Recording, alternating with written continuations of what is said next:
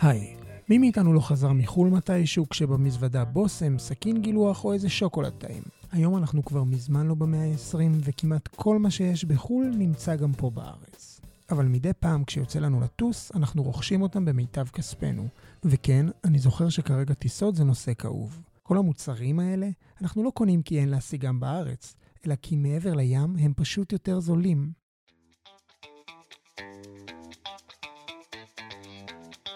מילקו 99, הון, שלטון ומה שביניהם. אתם על מלכוד 99, פודקאסט של הלובי הציבורי, והיום נברר למה כל כך יקר פה. בפרק הזה נדבר על יבוא. מבחינתי מדובר על עוד מונח מהקורס לכלכלה פוליטית, ובינינו זה נושא שניתן לראות אותו, או במקרה שלנו לשמוע אותו, כקצת שולי בשגרה היומיומית שלנו. אבל כמו שתשמעו עוד מעט מהאורחת שלנו, יבוא לא רק יבוא. מעבר לכך שהוא מאפשר למדינה, ולנו האזרחים, לנהל קשרי מסחר עם העולם הגדול, הוא משפיע באופן ישיר על הכלכלה המקומית והצרכנים שלה, שזה אנחנו. מי שהיטיבה לתאר את זה טוב ממני היא עורך דין רחל גור, לוביסטית ציבורית ומנהלת תחום הממשלה בלובי 99. מאז 2011, גור כיהנה בתפקידים מגוונים בכנסת ובממשלה. וכשאני אומר ממשלה, אני מתכוון למשרדי החוץ, הקליטה, הגנת הסביבה וירושלים. בלובי 99 גור עוסקת בתחומים רבים, אחד המרכזיים מביניהם הוא המאבק במונופולים בתחום היבוא. וכמו שאתם מבינים, איזה קטע, כי זה בדיוק הנושא שלשמו התכנסנו.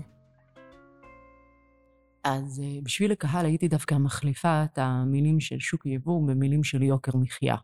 אה, וההקשר שלנו אה, לסיפור הזה, כפי שהחברים בחרו, זה הנושא של המאבק במונופולים מיבוא. יש היום בישראל שניים, שלושה חברות גדולות, שהן מה שנקרא יבואני סל.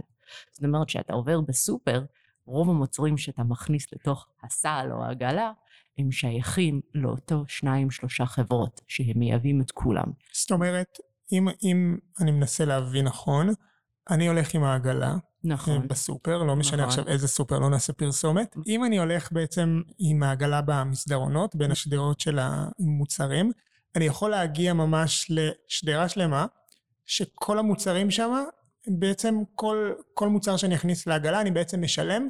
יכול להיות לאותו בן אדם. נכון, זה יכול להיות, אותו חברה. אה, זה, זה, זה יכול להיות אה, שוקולד ו... אבל נגיד, אם אתה נכנס ואתה קונה נגיד אה, שמפו של Head & Shoulders, במקרה שלך אין לך ילדים, אבל אם אני קונה חיתולים, טמפונים, טמפונים קונדומים, מה הכל, שזה לא יהיה, כן. נכון, הכל שייך לרוב.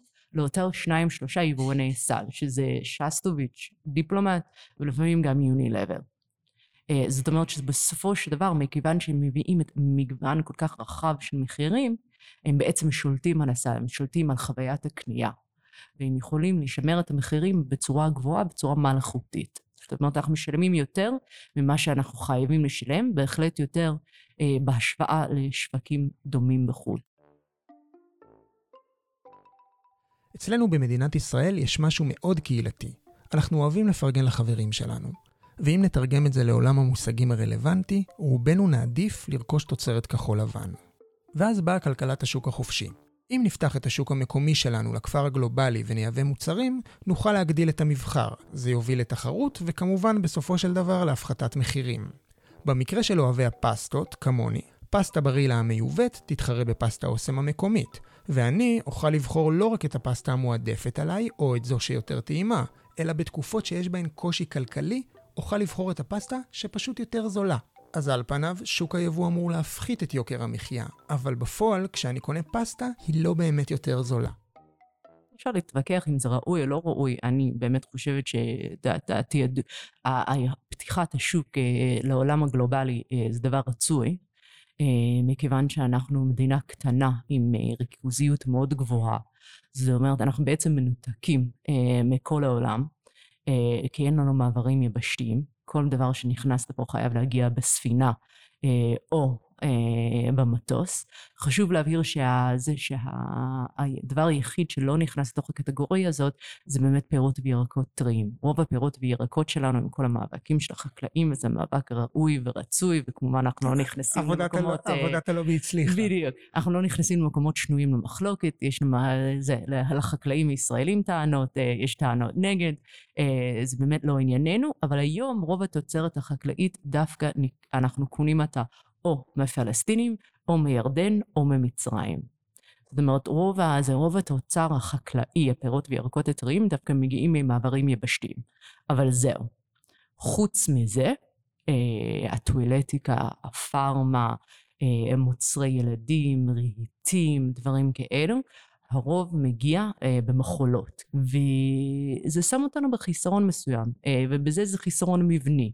אנחנו נמצאים אה, במד... כאילו בכלכלת אי, אז היכולת אה, ייצור מקומי שלנו היא מוגבלת. בוא נדבר רגע על מה זה כלכלת אי. למעשה מדובר בכינוי לכלכלה מבודדת, כזו שכמעט או בכלל לא מקיימת סחר יבשתי עם שכנותיה. הממשק הכלכלי שלה מול העולם מתבסס על סחר ימי או סחר אווירי. בגלל זה היא זוכה לכינוי כלכלת אי. כי כמו שאתם כבר יודעים, באי המוקף במים באמת אין יכולת לקיים מסחר דרך האדמה. יש מדינות שהן באמת כלכלות אי במלוא מובן המילה, כמו אנגליה או איסלנד, ויש אותנו, שכהרגלנו אנחנו אוהבים להיות מיוחדים. כלכלת האי של מדינת ישראל נוצרה מסיבות גיאופוליטיות, ואלו הופכות אותנו למעין אי מלאכותי.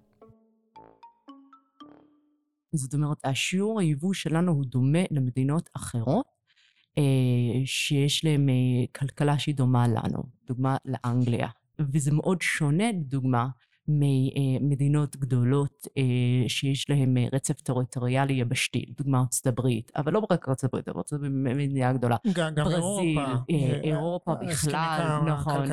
אבל היא אפילו מסתכלת על דרום אמריקה, נכון? שאין, אולי אין שם את יכולת ייצור מקומי, אבל כן יש מעברים יבשתיים, ולכן האחוז של התוצר שהם מייבאים הוא הרבה פחות, זה סביב העשרה אחוז. אז בפועל יש פה איזשהו קושי מבני.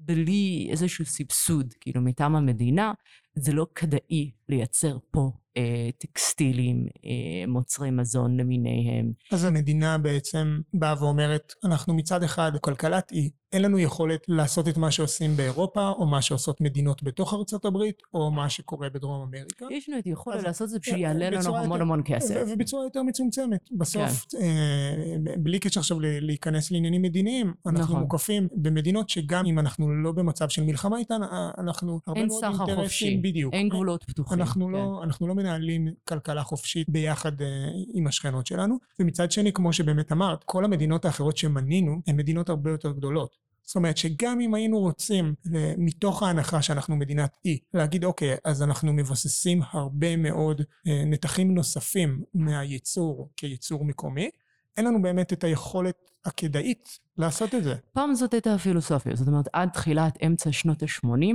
אנחנו באמת אה, היינו, היינו, היינו מדינה עם אה, מכסים מאוד גדולים, עם חסמי יבוא מכוונים, אה, והפילוסופיה המדינית הייתה שאנחנו נייצר פה מה שאפשר, מה שיש, ואת זה אנחנו נצרוך, ואנחנו נסגור את הגבולות שלנו.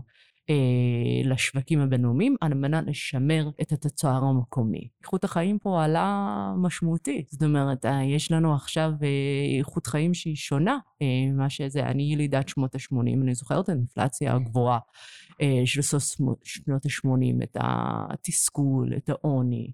אמנם עדיין יש בעיות רבות בחברה הישראלית, כן. אבל אין מה להשוות. דרמטי, כאילו, החיים ככלל, אה, לרוב רובדים של המדינה, אם לא המדינה בכללותו, עלה משמעותית. אה, וחלק מאוד גדול מהסיבה הזאת זה שפתחנו את השוק ובעצם אה, נהיינו חלק אינטגרלי אה, של השוק הבינלאומי והתחלנו לייבא אה, מוצרים שהם אה, יותר זולים ויותר איכותיים.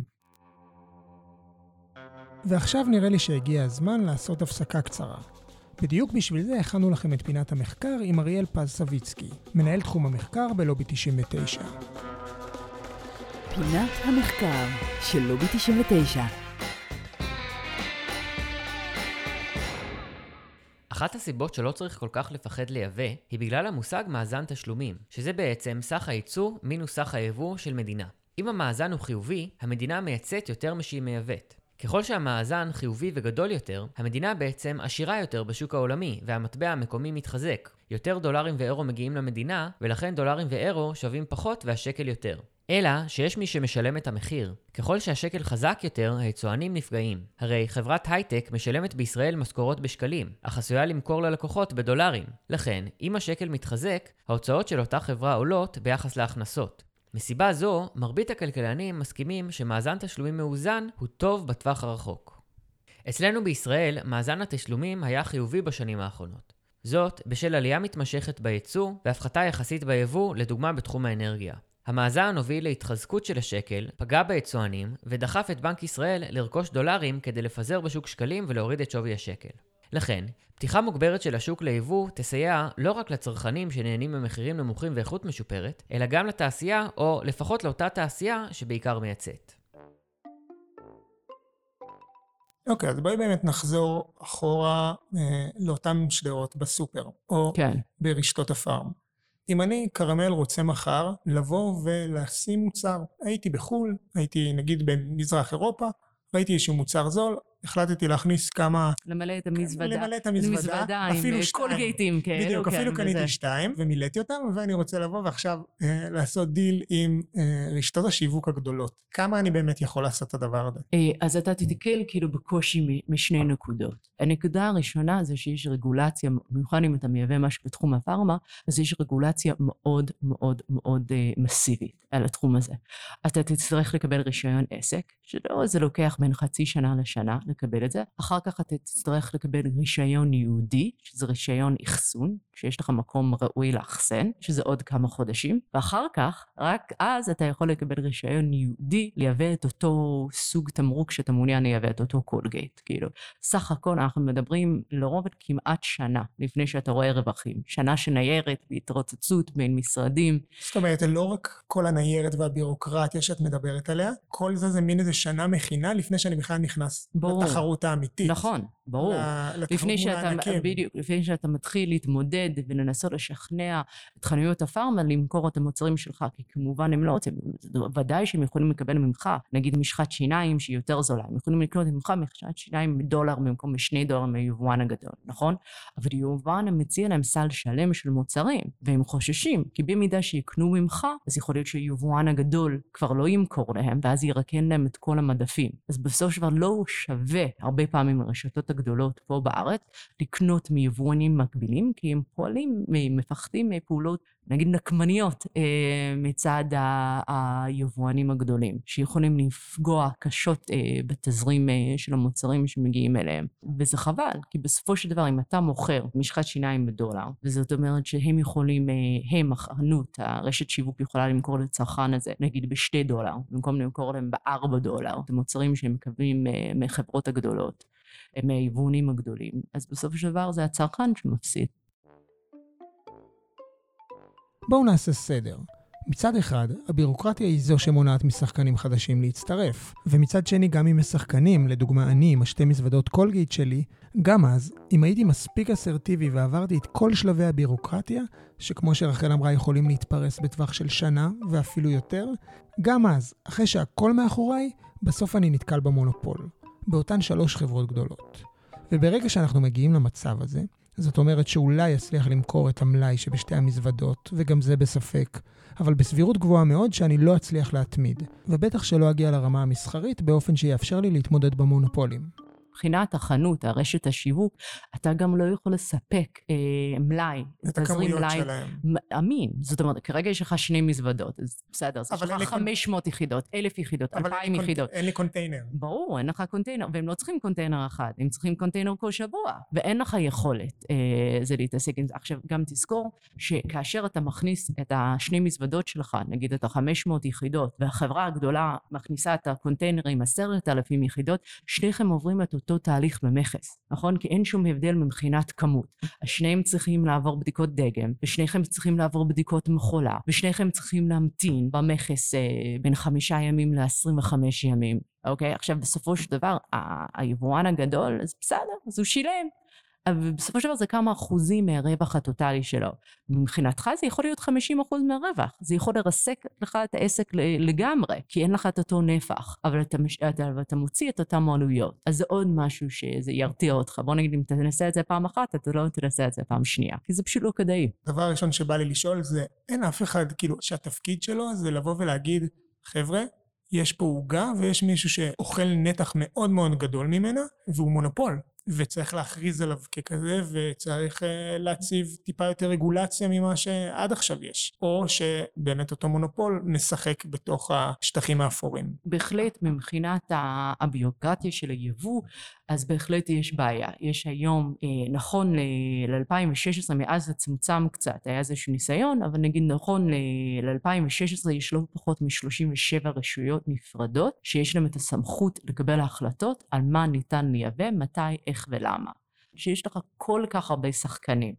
אה, שמעורבים בו, ויש שחקנים מרכזיים כגון אה, משרד הבריאות, אה, מכון התקנים, משרד הכלכלה, אה, משרדי תקשורת אה, לפעמים, אבל יש המון המון המון שחקנים שמעורבים בסיפור הזה, והם מייצרים אה, רגולציה שהיא מאוד קשה ומסורבלת להבנה, ושנית גם סותרת. אז דווקא בזה דווקא נעשה עבודה מאוד גדולה, ולמיטב זיכרוני המספר הצטמצם מ-37 רשויות למשהו כמו 17, 20 רשויות, שזה בדיוק, אנחנו בדרך. אנחנו בדרך, אבל שוב, זה ארוך. זה ארוך. גם היו המון רפורמות במכון התקנים. הגוף אה, הישראלי הרשמי זה גוף סטטוטורי שהוקם אה, לפני, אפילו לפני אה, קום המדינה, אה, מכוח חוק, והתפקיד שלהם זה לייצר את המפרט הטכני, הסטנדרט. אה, של כל מוצר שמיובא לישראל חייב להתאים את עצמו לסטנדרט, זה סטנדרט של בטיחות. אז גם שם נעשו המון אה, רפורמות, גם מבחינת זהות האנשים שהיו שם, גם מבחינת אה, ההקלות שניתנו, אבל, אבל הדרך ארוכה. כאילו, זאת אומרת, ההבדל בינינו לבין אירופה, לצורך העניין, הוא גדול. כאילו, מבחינת אירופה אתה מגיש תצהיר, אתה לא חייב להביא מסמכים, אין בדיקה של כל מכולה שנכנסת, אין בדיקה מראש של הדגם, ולא רק שאתה מצהיר, אתה גם יכול להתקשר לרשויות 24 שעות מראש ולהגיד להם, אנחנו מתקרבים לנמל, בוא, תפגוש אותנו עם המסמכיאדה, וזהו. עכשיו, תשווה את זה לישראל, שבו, אתה יודע, המכולה הממוצעת מחכה משהו כמו 16-17 יום, זה יכול להתקרב ל-30. ואין שום נכונות או רצון מטעם הרשויות לייעל את התהליך? יש המון אה, אה, נכונות, יש המון רצון. יש גם בעיות מבניות, כי בסופו של דבר אה, התק, התקציב, המכון התקנים ממומן חלקית על ידי המדינה, אבל רוב התקציב של מכון התקנים, מקום שמפרנס אה, מאות מאות עובדים, רוב ההכנסות שלהם באים מאותן בדיקות. זאת אומרת, אם הם מעבירים אה, מוצר מסוים מקטגוריה מחמירה שבו יש יותר בדיקות, לקטגוריה אה, מקלה שבו יש פחות בדיקות, הם בעצם מאבדים הכנסה, וזו ההכנסה שמשלמת את המשכורות שלהם. זאת אומרת שלפעמים יש מוצר שלא אמור בכלל לעבור כל כך הרבה בדיקות, והוא עובר אותם בגלל ש...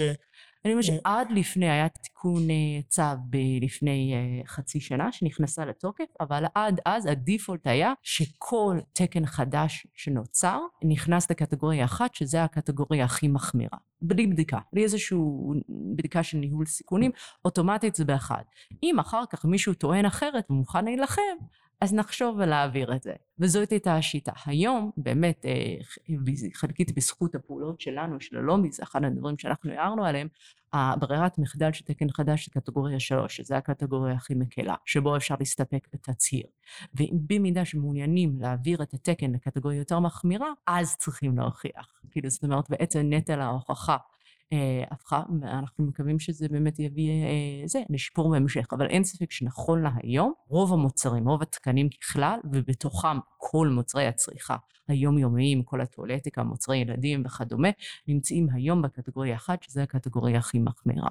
אני אשאל אותך שאלה שזאת העשייה שלך, אה, אז אני אשמח שתשתפי גם את המאזינים. איך אפשר לייעל את כל התהליך? איך אפשר לפתוח את שוק היבוא ליותר שחקנים, להוריד את השפעת המונופול? אנחנו מדברים על אחוזים הרבה יותר גבוהים מ-50 אחוז היום. נכון, אנחנו מדברים, להגיד, בשוק של סכיני גילוח, אנחנו מדברים על uh, כמעט 90 אחוז מהשוק. יש את המיתוס הזה, גברים שטסים לחו"ל תמיד קונים סכיני גילוח בחו"ל. ודורדורנטים. תמיד חוזרים, ודורדורנטים. בגדי ילדים, נכון? פעם כאילו אבא של המשפחה, כאילו, המשפחה הטיפוסית הזאת, uh, מה שזה לא היה, היה נוסע בנסיעה לחו"ל, והיה ממלא את המזוודות עם כל הבגדים של התינוקת, כאילו, התינוק עד גיל שנה, זה כאילו... הדוד מאמריקה. הדוד מאמריקה, בדיוק. אני אסביר לך מה אנחנו עושים. אנחנו בפועל פועלים בשלושה רבדים. כאילו, בעניין יוקר המחיה, בעניין אה, באמת מונופולים ביבוא, והעול הכבד שהצרכן משלם אה, כתוצאה ממחירים שהם גבוהים, שהם פי שתיים, פי שלוש, פי ארבע, פי חמש אה, משווקים, אני, גם מה שאני משווה, אני לא משווה לארצות הברית, כי ארצות הברית היא באמת מדינה גדולה. כאילו, וזאת אומרת, ויש לכם, יש להם יכולת uh, מיקוח, כאילו, שאין לנו בתור מדינה קטנה. החוכמה זה להשוות למדינות שהן דומות. אבל אם משווים בינינו, נגיד, לעוד מדינות אירופאיות uh, בסדר גודל דומה, לדוגמה איטליה או ספרד, אנחנו מדברים, נגיד בספרד, uh, אנחנו מדברים על, או שוודיה, לדוגמה, אנחנו מדברים בשוודיה על סביב העשרה מיליון תושבים. זה פלוס מינוס סדר גודל, כאילו, של מדינת ישראל, טיפה יותר. זה לא מדינה גדולה, אז עולה השאלה למה סכין גילוח שם עולה שליש, רבע מהמחיר פה. כאילו, זאת אומרת, הפער הוא כל כך גדול, שאי אפשר להצדיק את זה. אה, בעצם זה שצריכים להטיס את זה, בזה שאנחנו מדינת אי, בזה שאנחנו במקום ריכוזי. אין, הפער הוא גדול מדי. ולכן אנחנו מאוד גדול פועלים בשלושה רבדים. הרובד הראשון זה ניסיון אה, מכוונת, חזיתית, אה, לפרק את המונופולים ביבוא, ופה אנחנו פועלים מול רשות התחרות. ונפגשנו מספר פעמים אה, עם הממונה, ואנחנו מנסים לקדם הבנה אה, של השוק שהיא קצת אחרת. היום חברה שיש לה נתח שוק של מעל 50 אחוז מוכרזת כמונופול. זה לא אומר שאסור לה לפעול, היא ממשיכה לפעול, אבל בוחנים אותה יותר. צריכים לוודא שאין תיאום מחירים, קרטל, הסדר כובל, יש לזה המון מילים, אבל בסופו של דבר אנחנו מדברים על אותו תופעה. התופעה היא שבו אה, שחקן גדול שולט ברוב או ברוב העיקרי של השוק יכול להכתיב את המחירים ויכול לוודא לשמור על מחירים גבוה בצורה מלאכותית. זאת אומרת שאם נחזור לסכיני הגילוח שלי זה אומר שאותו יבואן שהיום מייבא את סכיני הגילוח לא בהכרח הפעולה הזאת תכניס לו מתחרה אבל לפחות יהיה פיקוח על אותו מחיר שהוא מחיר סביר. כן, אה, כשלב שווה, ראשון יהיה פיקוח, אבל אנחנו גם פועלים פה להכניס מתחרה. אנחנו מנסים לקדם בין אם זה יהיה אה, בהכרזה אה, או בהבנה של אה, הממונה על התחרות, או בין אם זה יהיה בחקיקה. כיוון שאנחנו באמת מדינה קטנה וריכוזית, אנחנו מנסים לקדם הבנה אחרת של מהי, לא מהי מונופול, אבל מהי נתח שוק משמעותית. יש רעיון בכלכלה שחברה ש... ששולטת לא ב-50% אלא במעל 35% זה מהווה נתח שוק משמעותי. זאת אומרת, יש לכם, יש להם יכולת לא לשלוט, אבל להשפיע בצורה בלתי פרופורציונלית על השוק. ואנחנו רוצים לקדם הבנה שחברה ששולטת מעל 35 אחוז בעצם מכירים בה לא דיור אבל דה פקטו כמונופול ואז על מנת אה, לפעול פה בארץ צריכים להכניס מתחרה זאת אומרת הספק בחו"ל היצרן בחו"ל אה, במקרה זה אני לא יודעת פרוקטור וגמבל אה, שמייצרים את ה-head and shoulders או את הסכיני גילוח או מה שזה לא יהיה, במקום אה, להתקשר עם יבואן ישראלי אחד, הם יצטרכו להתקשר עם שניים. זאת אומרת ש, שבעצם הפעולה הזאת היא בעצם היא לא רק רגולציה על היבואן שהוא חברה ישראלית. זה בעצם שינוי של מבנה השוק. כדי למכור פה את המוצרים שלו, הוא יחייב את היצרן להוכיח שהוא עובד עם יותר מספק נכון. אחד. עכשיו זה נשמע קצת שאפתני, מי אנחנו, מדינה קטנה, להכתיב... אה, שנכתיב, זה... כאילו הוא פשוט בדיוק. יגיד, נכון. נגיד יונילבר הגדולים, פשוט יגידו, טוב, אז לא אכפת לנו, אתם כולה שישה מיליון, שבעה מיליון. נכון, אז דווקא, אבל דווקא יש לזה תקדים.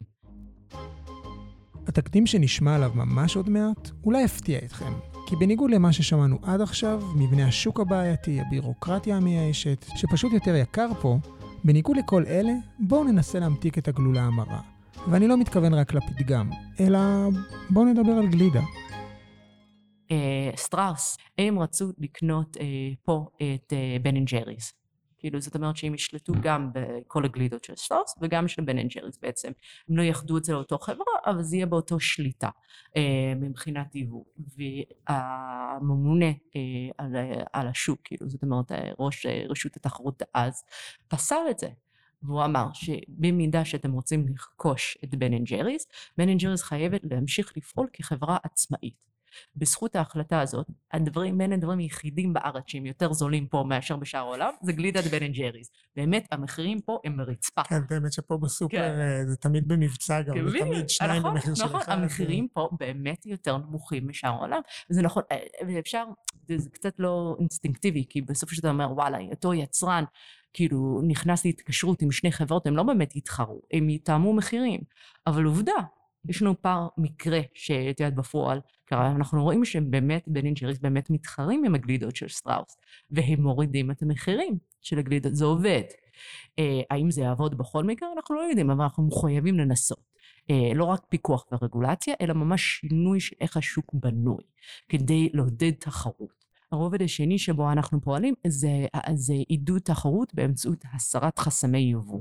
זאת אומרת בעצם אנחנו לא מדברים עם הרשויות או עם הרגולציה כאילו על איך צריכים שהשוק יהיה בנוי ואיך צריכים כאילו להכניס אה, זה אה, תחרות בצורה אה, ישירה ובצורה אגרסיבית אלא אנחנו פשוט מנסים לייצר פה מצב שבו יותר קל לייבא לישראל. שזה נגיד אותן הגבלות שתיארת של מכולה נכון, שממתינה המון זמן. נכון, וזה העבודה שאנחנו עושים לדוגמה מול משרד הכלכלה, שאנחנו מנסים להעביר כמה שיותר מוצרים, עם דגש על באמת מוצרי צריכה בסיסיים, דברים שאנשים קונים באופן יומיומי, אותם סכיני גילוח, דודורנטים, אה, חיתולים ומה שזה לא יהיה, מקטגוריה מחמירה, שבו הם צריכים לעבור המון בדיקות מקדימיות, מה שנקרא pre-market regulation, זאת אומרת עצם הבדיקות קורים לפני שהמוצר מגיע לשוק, למה שמוכר באירופה שזה post-market regulation, שבמקום להתעכב אה, במחולות, אה, במכס או בנמל בעת הכניסה למדינה, הם נכנסים על סמך תצהיר, מביאים תצהיר שאכן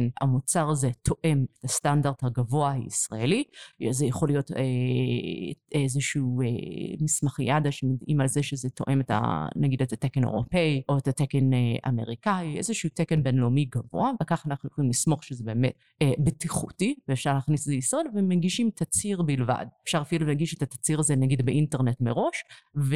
ואז לא להתעכב בכלל, פשוט להגיע ישירות לתוך הנמל ולהתחיל לפרוק את הסחורה.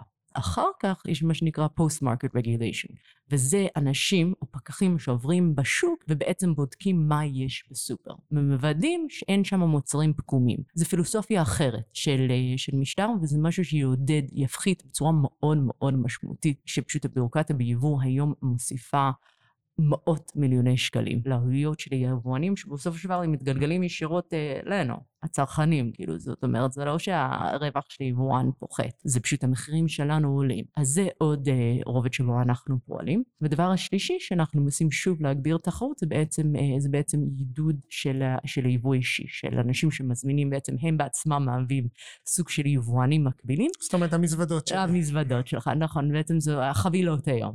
כן. אה, אנשים שמזמינים כאילו אה, מאתרים מקומיים או בינלאומיים. אה, חבילות, וגם כך כאילו מורידים, מייצרים עוד רובד של תחרות. אבל אני אביא לך דוגמה, מברשות אה, שיניים אלקטרוניות. עלו פה בארץ פעם, אין, זה היה מחירים מטורפים, זה היה איזה 150 שקל. אה, לכל מברשת שיניים. ואם אתה רצית לקנות לילדים שלך, נגיד, אתה יודע, משפחה של שלושה, ארבע נפשות, אתה מסתכל כמעט אלף שקל. המברש, עכשיו, אתה יודע, אתה שיננית או רופאת שיניים. כולם ממליצים. אתה יודע, כן. כולם ממליצים, אתה מרגיש לא נעים, זה, לילד שחורים, בדיוק, לי יש חורים וזה, אז אתה מוציא את הכסף הזה, אחר כך זה מתקלקל, צריכים להחליף וזה, קיצר, הוצאה מאוד גדולה.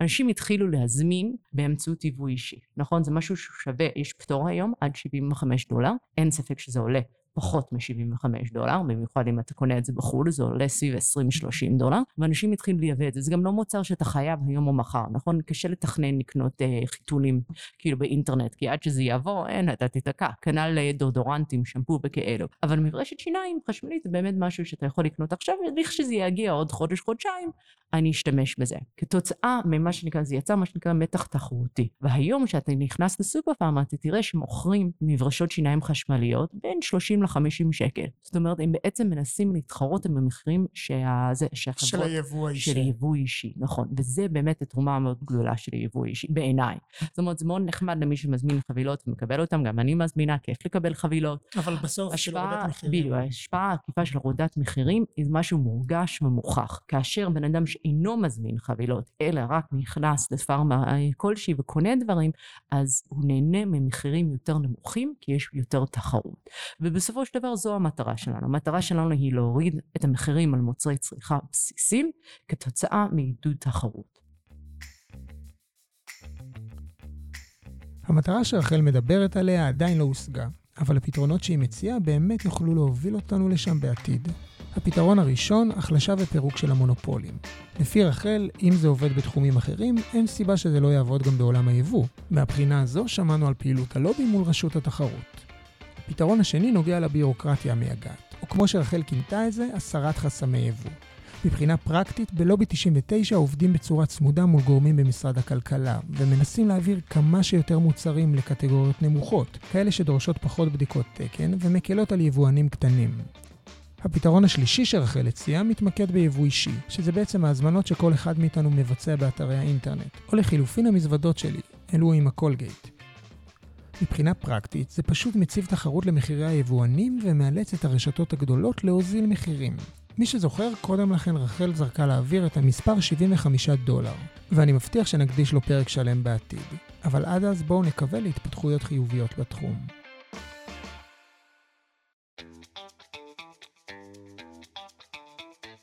זה היה הפרק השלישי של מלכוד 99. אם נהניתם להאזין לפרק, אז ספרו לחברים, משפחה, ואפשר גם סתם לאנשים שאוהבים להזמין מוצרים מחו"ל. עד הפרק הבא אני מזמין אתכם לעקוב אחרי לובי 99 בכל רשת חברתית שתבחרו. כן, אנחנו בכולן ומעדכנים מהשטח על התפתחויות גם מעולם היבוא. תודה גדולה לאורחת בפרק, עורך דין רחל גור, וגם למנהל המחקר שלנו אריאל, שחנך את פינת המחקר החדשה של הפודקאסט. ספרו לנו אם אהבתם אותה. המייל שלנו הוא פודקאסט שטרודל לובי 99 אורגייל, ואנחנו סיימנו. אני הייתי כרמל, איש הדיגיטל של לובי 99, ואנחנו ניפגש ממש בעוד שבועיים בפרק הבא. מילקו 99, הון, שלטון ומה שביניהם.